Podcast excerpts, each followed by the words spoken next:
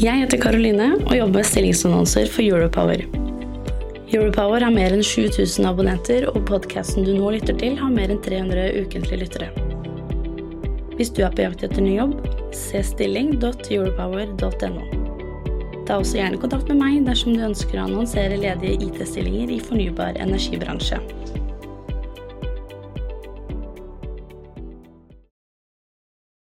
Du lytter til Teknologioptimistene fra Europower Partner. Redaksjonen i Europower har ikke medvirka i denne produksjonen. Join us at the Europower Investor Conference the 19th of March, 2024 in Oslo. The focus will be on understanding and adapting to the recent shifts in investment patterns driven by changing political frameworks. See investor.europower.no for information. I oljebransjen så har man i lang lang tid jobbet for å øke verdien av data ved å dele disse. Eh, nå er tiden inne for at fornybarbransjen skal lære av olja. Men har fornybarbransjen, og nettselskapene spesielt, viljen til dette? Har de evnen til dette? Har nettselskapene riktige insentiver eh, for å følge etter olja? Eh, der Karl-Johnny Hersvik, eller Kalle som han liker å titulere seg, i Aker BP, med sin Data Liberation Front, har gått i spiss. Jeg heter Skjult Kristian Aamodt og jobber på kommersiell side i Europower. Og med meg i studio i dag så har jeg Karine Storaker Bråten, styreleder i teknologiselskapet Itum X, og Are Røssum Haaland, virksomhetsarkitekt i Elvia. Velkommen. Takk.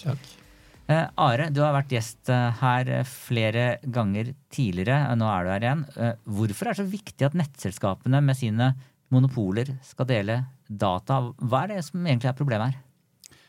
Eh, ja, altså For det første så skal jo vi svare på en stor samfunnsutfordring som har med elektrifisering og det grønne skiftet å gjøre. Og eh, det er ikke en situasjon som vi har trengt å forholde oss til før, og så plutselig sitter vi der i en ja, situasjon. For, for, det har vært litt behagelig med monopol? Ja, det kan man jo si. Mm. Litt for behagelig? Kanskje på noen områder så har det vært litt for behagelig, ja. Og så skal dere plutselig dele data?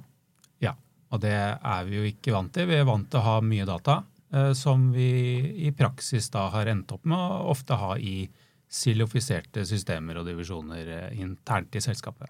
Eh, hvilke data er det Elvia sitter på som det er relevant å dele? Ja, altså Det er jo en helt åpenbar ting eh, som vi da måtte eh, Og det kan jo si er positivt. Vi har blitt tvunget til å dele måleverdier, f.eks. Eh, og det har vært bra, det ligger jo nå i e-løp. Men måleverdier er det mest åpenbare eksempelet. Og så har vi eh, også en del andre datasett som vi tror kommer til å være nyttig å dele framover. Måleverdier, det handler om hvor mye strøm ja, jeg, jeg, bruker? Ja, forbruket ditt, ja. rett og slett. Hvordan spiller GDPR inn her?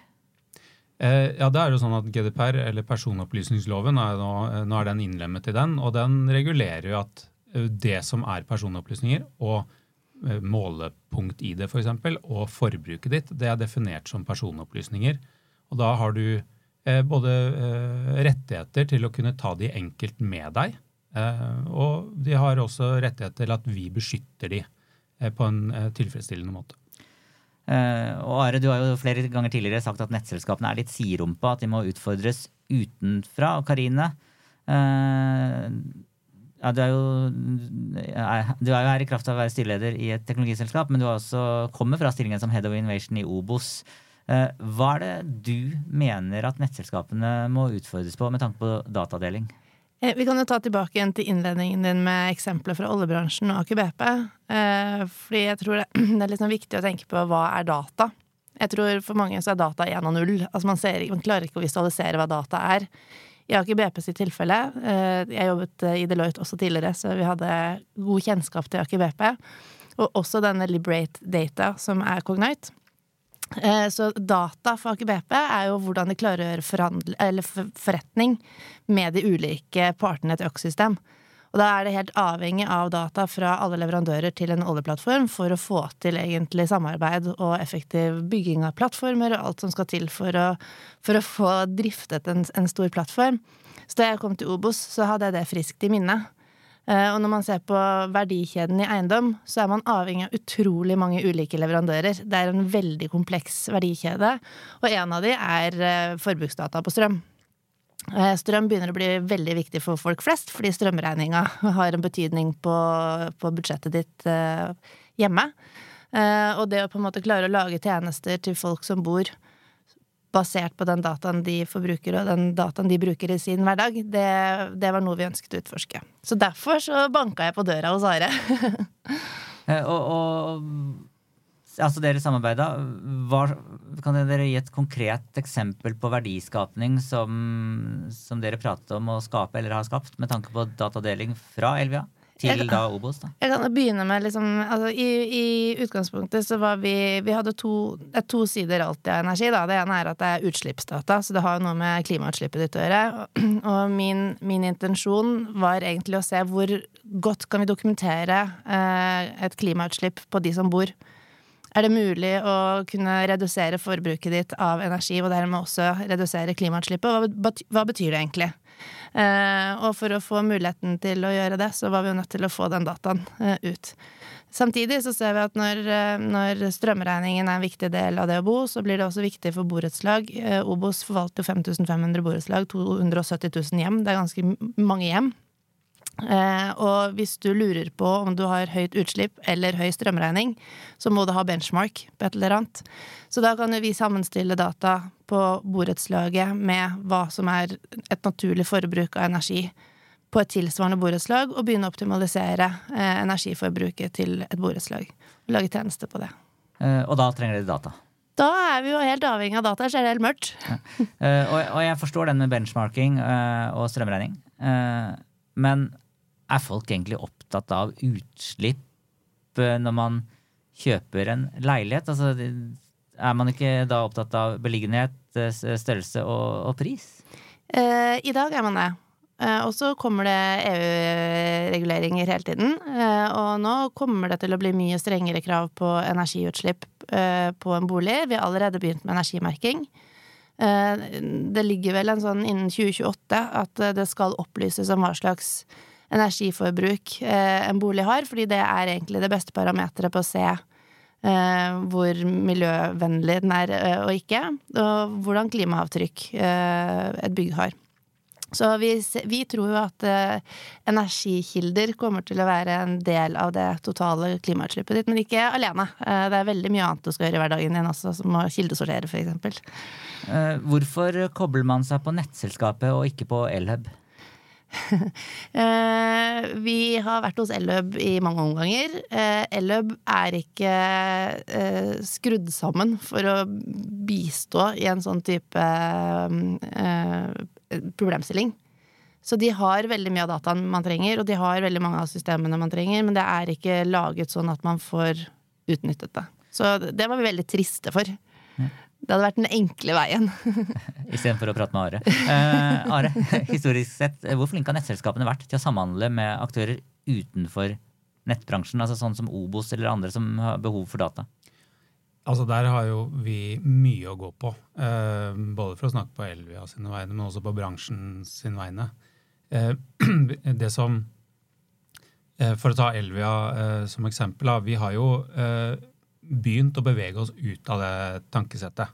Um, fordi når vi skal svare på det, den samfunnsutfordringen, og vi, så er det ikke nok at Elvia sitter alene og skal løse disse tingene. Uh, vi trenger også å få delt data, og vi vet vi sitter på data som kan brukes um, i f.eks. å flytte uh, maksforbruk fra timer, enkelttimer, som er det vi har som behov fordi vi skal drifte et nett. Men Eh, det å, å, ta det steget til å ha som strategi å dele data som vi ikke ennå vet hvilken verdi kan gi, men bare av den, det grunnlaget at deling av data eh, kommer til å føre til innovasjon, det er et tankesett vi ikke har hatt med oss. Eh, jo, det er jo flere år siden Elvia f.eks. kom ut med nettleie-API med den tankegangen at eh, det er totalprisen som teller for folk. Så vi ønsket jo at smarthusleverandører skulle legge nettleia sammen med spotprisen, og så har du en totalpris. Og det er det som er viktig for folk, og dermed hjelper det oss indirekte i styring og flytting av forbruk.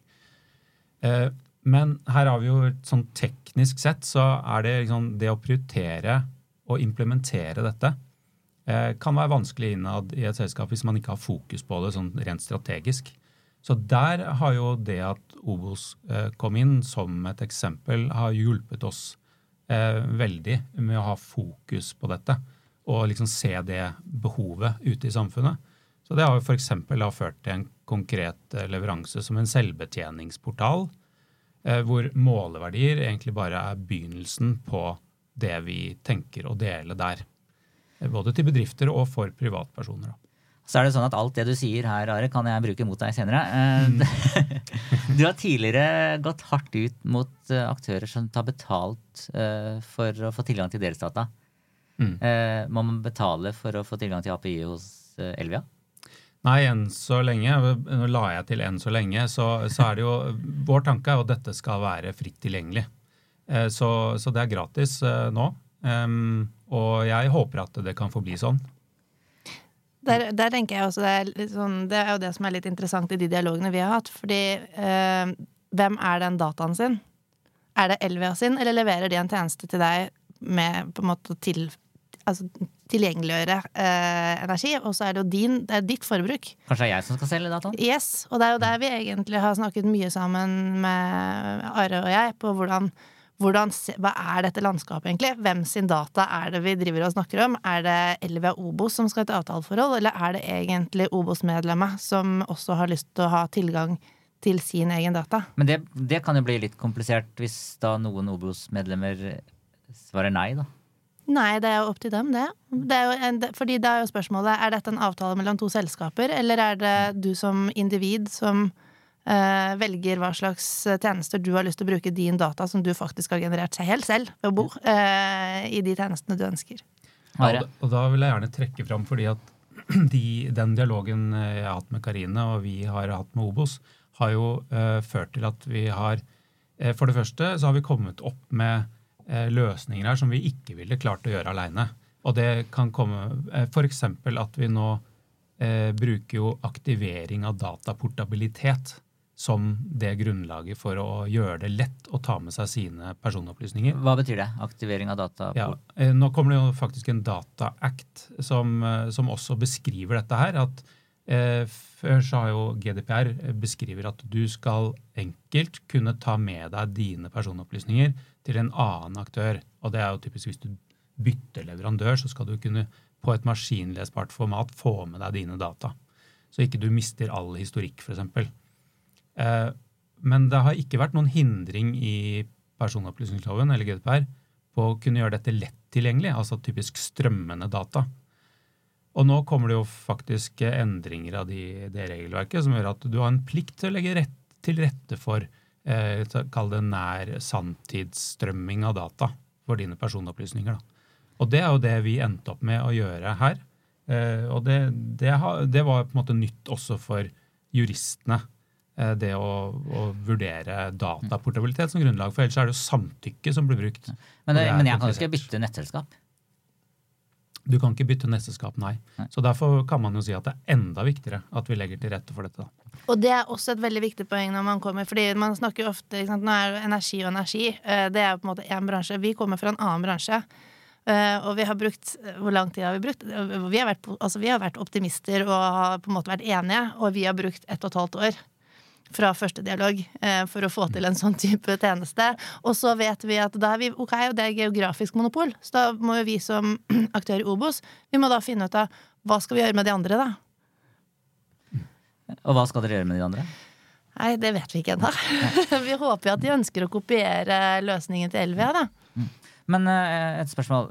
Eh, denne løsningen som dere har jobbet med, uh, med benchmarking osv., hvor langt er den kommet? Er det noe som eh, Nå bor ikke jeg Altså, jeg er medlem i Obos. Er det noe jeg kan gå inn og, og sjekke på web, eller? Det er det som er så interessant da, med dette her. fordi at øh, Nå er jo denne dataen som vi deler nå, det er jo sånn at hvis du er Obos-medlem og bor i et Obos-forvalta bygg og er Elvia-kunde, da er det mulig å aktivere en sånn type tjeneste. Uh, I teori, ikke sant? Uh, og så vet du at ja, Fordi vi har, nå har vi, vi har en pilot. Uh, men hvordan skalerer du en sånn tjeneste? Det er jo kjempespennende fra et rent kommersielt ståsted. Fordi det er nesten klin umulig. Fordi det er så mange forutsetninger Eh, sånn at når vi skal forklare hvorfor ikke du får det til, så kan det være veldig mange årsaker til at ikke det, en sånn type tjeneste hvorfor, fungerer akkurat hvorfor hos tar dere bryet med å gjøre dette hvis det blir så komplisert for sluttbruker? Eh, hvordan, altså det er ikke så veldig mange alternativer der ute i dag. Det. Eh, så vi, det er derfor vi ønsker at flere skal på en måte kunne komme inn og, og levere en tjeneste på samme måte. Hvis dataportabilitet blir en standard, så vil jo det være mulig å levere disse tjenestene på en god måte, skalerbart. Og utenfor Obos. Er, nå, nå har jeg forklart Obos sin reise. Det finnes jo andre boligbyggelag, andre eh, boligforvaltere, andre, andre driftsmodeller og selskaper der ute. Og hvis de skal gjøre akkurat samme jobben som Obos har gjort, for å få tak i den dataen som kanskje i prinsipp er din personlige data, så er det fryktelig mye jobb og surr som skal til for å komme til akkurat samme konklusjon for alle disse selskapene. Med Europowers nyhetstjeneste er du i forkant av utviklingen. Vi publiserer daglig nyheter som har en påvirkning på fremtidens energiselskaper og fornybarbransje. Du skal lære noe av å lese Europower. Gå inn på europower.no og tegn et prøveabonnement i dag. Så dette kan kanskje bli noe som Obos tjener penger på ved å selge til andre boligbyggelag? Det, det kan det være, men jeg tror jo ikke det er den veien det skal gå. Jeg, jeg ser ikke egentlig at det er en kommersiell modell Obos er interessert i det hele tatt. Vi prøver å levere tjenester til eh, de borettslagene vi forvalter. Eh, men, men eh, at Obos skal profitere på det på, mot andre eh, boligbyggelag, det er ikke en, en, en case. Det er heller å se da man kan samarbeide om den dataen som kommer ut i en eller annen slags nyttig plattform. Men der, det, det er veldig interessant i eiendomsbransjen med så ulike verdikjeder og insentivmodeller, så er det alltid denne noen, som ingen vet hvem er, som etablerer en plattform, f.eks. Det er jo en kjempeinvestering som ingen har et business case på. Are? Ja, for det, det jeg tenker på akkurat som nettleie-API, eh, når vi satte opp det i Elvia, så delte vi også den kildekoden for at det skulle bli enklere for andre nettselskap å implementere akkurat det samme. Og vi lagde på en måte en en de facto-standard for det i, i Digin da, som nå har overtatt av Elbitz. Og, og tankegangen min her, og det vi ønsker å få til, er akkurat det samme.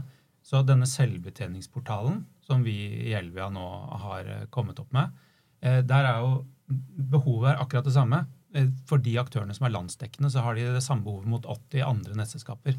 Så der har vi jo allerede nå begynt i Elbitz å, å jobbe med den samme problematikken. Ja, for, for det har jeg lurt på. Hvorfor sitter Elvia her og tukler med dette alene når det er, det er rundt 80 nettselskaper? Kunne ikke initiativet bare blitt løfta inn i Elbitz?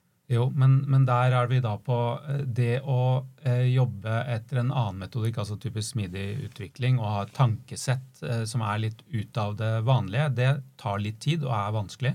Derfor har jo Elbitz blitt sabla på beina. Eh, så, så her eh, så Jeg tenker at det, det, det som er essensielt, er at vi får til eh, å kjøre det Elvia har gått foran, på en måte, da, og tenker... gjort dette. Og så tenker jeg at det neste steget er at andre også Ja. Så tenker jeg det, Karine, at du nevnte ett og et halvt år, at det hadde tatt litt tid. Eh, velkommen til nettbransjen. Eh, er, eiendomsbransjen er ikke kjent for å være superraske, de heller. Altså, men jeg skal bare en liten kommentar, da, fordi eh, det var litt sånn som jeg innledet med, at hva er data? Ikke sant? Du må begynne et sted. Når man har bevist en tjeneste, så er det mye lettere å få folk med. Hvis du sier du skal vi drive med sånn dataportabilitet, eller?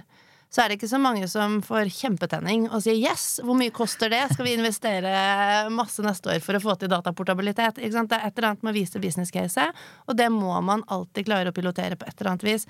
Og derfor så lager man jo disse klønete løsningene som funker for bitte små brøkdeler av en portefølje. Eh, fordi at da kan man bevise en modell, og så er det lettere å få med seg de 80 andre, fordi da ser de å ja, er det sånn det kan fungere. Eh, Karine, du, du har jo da Eller du sitter i styret i ITMX. eh, og, og uten at jeg vet hvorfor du ble valgt inn der, så antar jeg at det er fordi at du, du kan en del om teknologi. Eh, hvilke muligheter ser du for andre eh, små og store teknologiselskaper med tanke på at man nå etter hvert kan begynne å koble seg på eh, API-ene til Elvia og få data ut? Jeg tror at der er det eh, Det er jo det er litt sånn som eh, hva, hva kan du gjøre med værdata?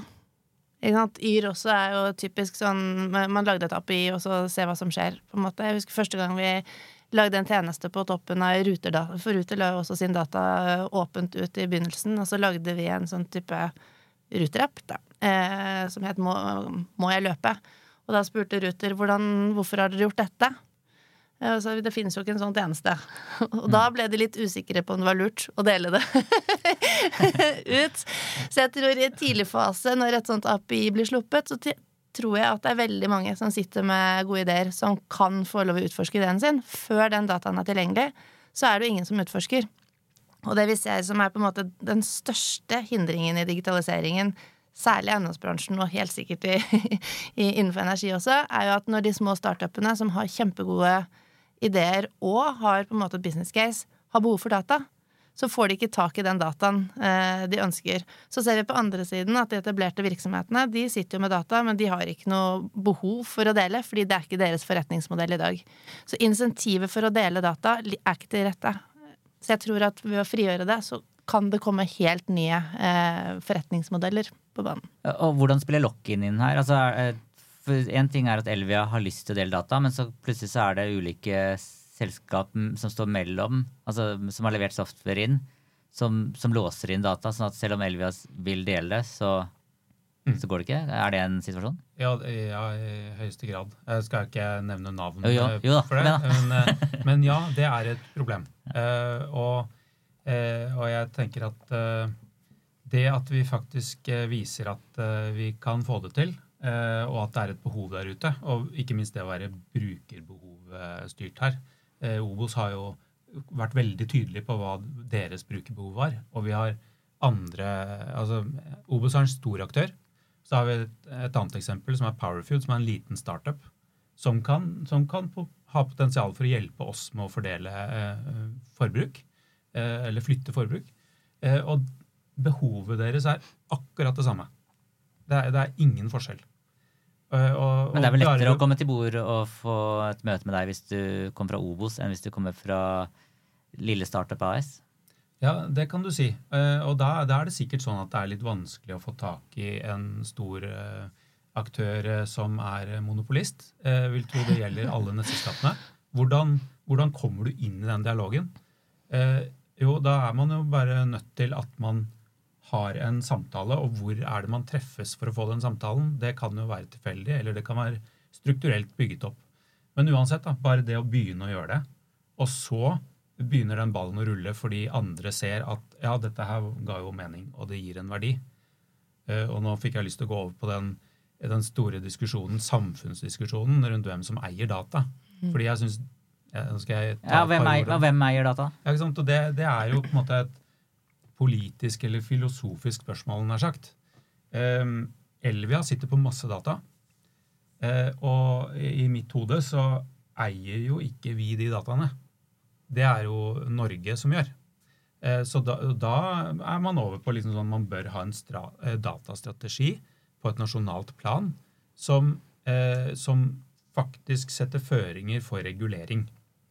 Og da, sånn og da, er vi egentlig ikke ikke i Energidepartementet, eller olje, heter det? Olje- og energidepartementet? Eller bare Energidepartementet? energidepartementet. Ja. Da er vi over på digitaliserings... Ja, det kan man, kan man vel si. Og, og, et annet viktig dilemma der som, som, vi har vært veldig opptatt av når vi tar imot denne dataen, er jo øh, Kan man identifisere den dataen med noen som bor i en bolig? Det er en hel krise. så altså, I dag så har man Altså disse store eh, internasjonale tech-gigantene de har 30 000 datapunkt på en gjennomsnittlig tolvåring i Norge. Og det er stort sett digitale eh, data, altså data du genererer ved å konsumere innhold på internett. Når man begynner å koble det mot fysisk lokasjon, altså at du vet hvor de bor, eh, hva de har kildesortert, hvor ofte man tømmer søppelen i det, nabolaget, reisevaner, Eh, da begynner det å bli utrolig skummelt. Da er det jo et datasikkerhetsspørsmål, ikke om du blir kommersielt eh, misbrukt på, på, nett med å få de samme reklamene om igjen og om igjen, men det er faktisk et nasjonalt sikkerhetsproblem. Så i, i Obo så har vi tatt det fryktelig på alvor når vi får alle disse hjemmene og vet, eh, vet sensitiv informasjon som kan identifiseres gjennom tredjepartsopplysninger, så er det utrolig viktig å anonymisere på en god måte, da. Så nå har vi akkurat eh, fått vekk eh, skattelistene fra web, og så kan vi få liksom, så mye dusje naboen. eh, på web igjen. Eh,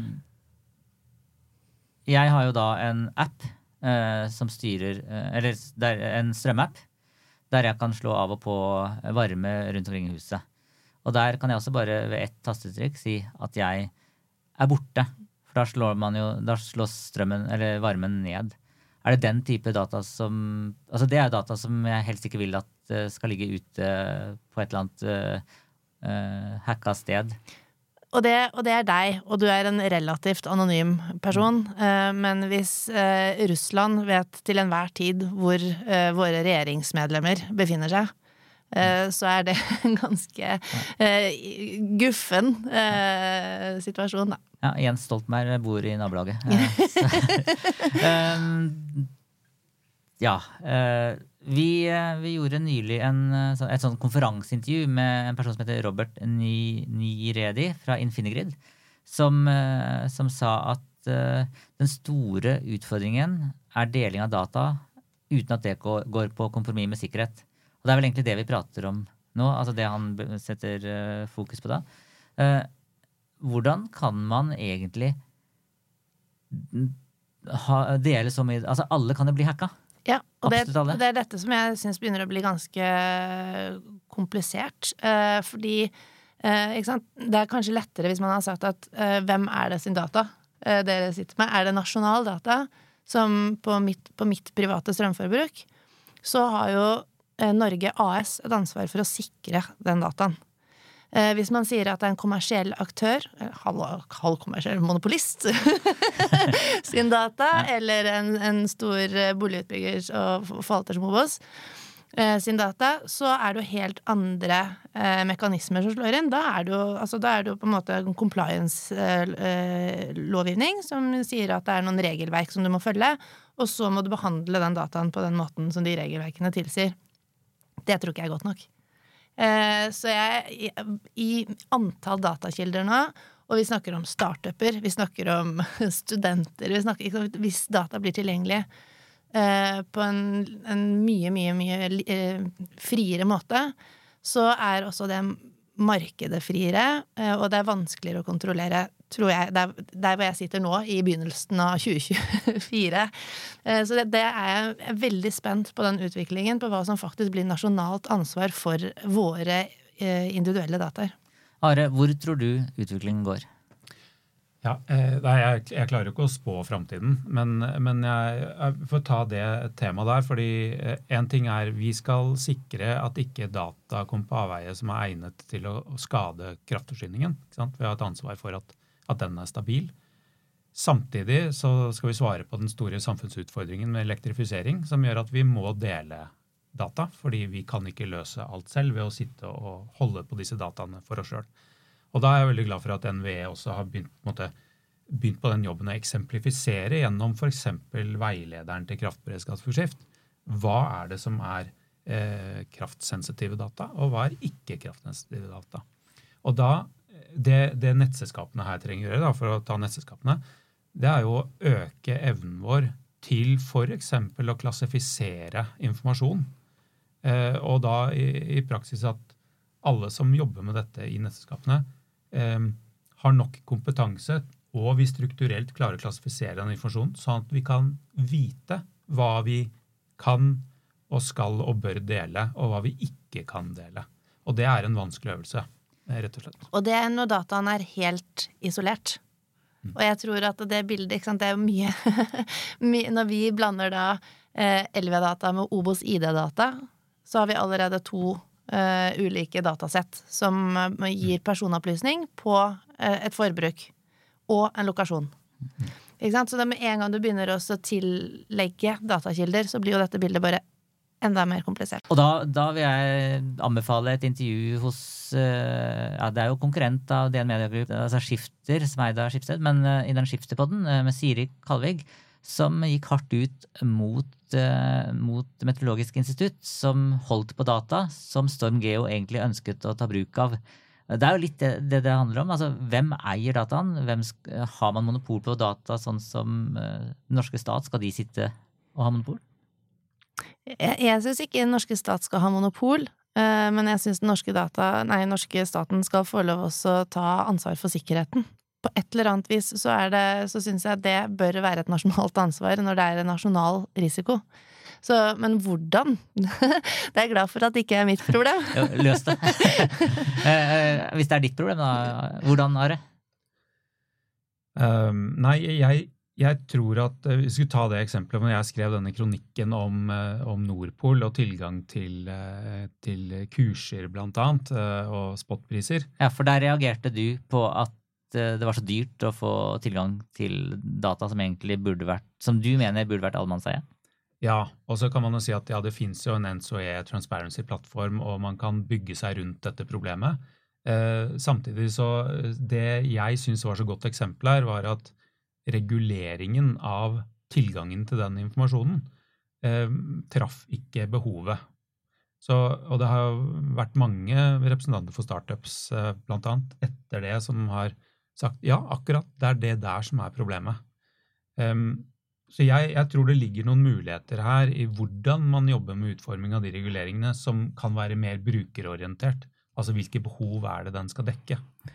Mm. Og da kan jeg egentlig ta en eksemplifisering, da, fordi det er typisk det som vi har vært ute etter når vi har uh, vært på jakt etter denne dataen. Det er jo fordi at vi er nødt til å si hvordan, hvordan Hva betyr dette for et spesifikt borettslag?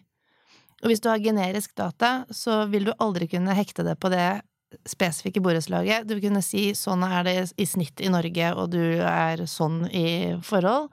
Men da får du ikke den i Sånn er du i forhold. Eh, sånn at du er nødt til å klare å ha data som sier noe om deg eller eh, bygget du bor i. Eh, som kan sammenlignes med noe som er relevant.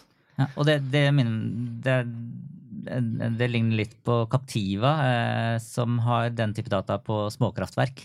Der du kan se hvordan du presterer med ditt småkraftanlegg versus snittet, men du får ikke vite mm, sammenlignet med hvilke. Are, eh, avslutningsvis? Ja, for det, det jeg egentlig ville si er også en av grunnene til at Elbits uh, har kommet, er jo at uh, nettselskapene, som da er eiere i Elbits, de trenger også å øke sin egen evne til å dele informasjon. Da snakker vi ikke bare teknisk, men rent sånn organisatorisk og kulturelt og tankesettmessig. Og, og da er jo Jeg tenker jo at nettselskapene bør egentlig måles også på deling av data. Uh, og det er jo rett og slett fordi at det blir mye lettere for en styreformann eller et styre å stille spørsmål til ledelsen om hvordan jobber dere med deling av data, hvis man faktisk blir målt på det. Mm. Bra. Uh, vi går mot en avslutning nå. Uh, Karine, du kommer fra rollen som Head of Innovation i Obos. Hvor er du om tre år? I Norge? nei, det vet jeg ikke. Eh, jeg syns at det er eh, så utrolig mange spennende muligheter der ute nå, med teknologi og data og i det hele tatt eh, særlig det grønne skiftet. Så vi får se. Det blir spennende å se for meg også. ja. Da sier jeg Eller hvor er du, Are, om tre år? Nei, jeg vil ikke si noe annet enn at jeg er fortsatt i Elvia og Elbits. er det jeg har på horisonten min nå. Mm. Eh, da sier jeg tusen takk til Karine Storaker Bråten, styreleder i ITUMX, og Are Røssum Haaland eh, i Elvia, for at dere tok dere tiden til å komme hit i studio i dag og, og dele tanker rundt det å dele data. Eh, husk at neste nettverkstreff for teknologioptimister er 12. mars hos Intility, der temaet for denne samlingen er FoU går for treigt. Bransjen må tenke produkt i stedet, og i stedet hvordan bruke smidig metode i kraft- og nettselskapet for å komme raskere fra idé til praktisk løsning. Ganske lang tema, men uh, det skal gå. Så minner jeg om den store IT-konferansen vår uh, for energibransjen den 22. oktober. Den har blitt utsolgt de to foregående årene, og det kommer også til å bli det i år. Så hvis du ønsker å booke stand der, uh, så er det et lite tidsvindu nå der det er åpent. Og Are, Elvia, dere har booka 20 billetter til konferansen, så det er bra. Jeg heter Kristian Aamodt og jobber i Europower. Og eh, takk for at du lyttet til Teknologioptimistene. Vi sees, høres og alt annet. Ha det bra. Join us at the Europower Investor Conference the 19th of March, 2024 in Oslo.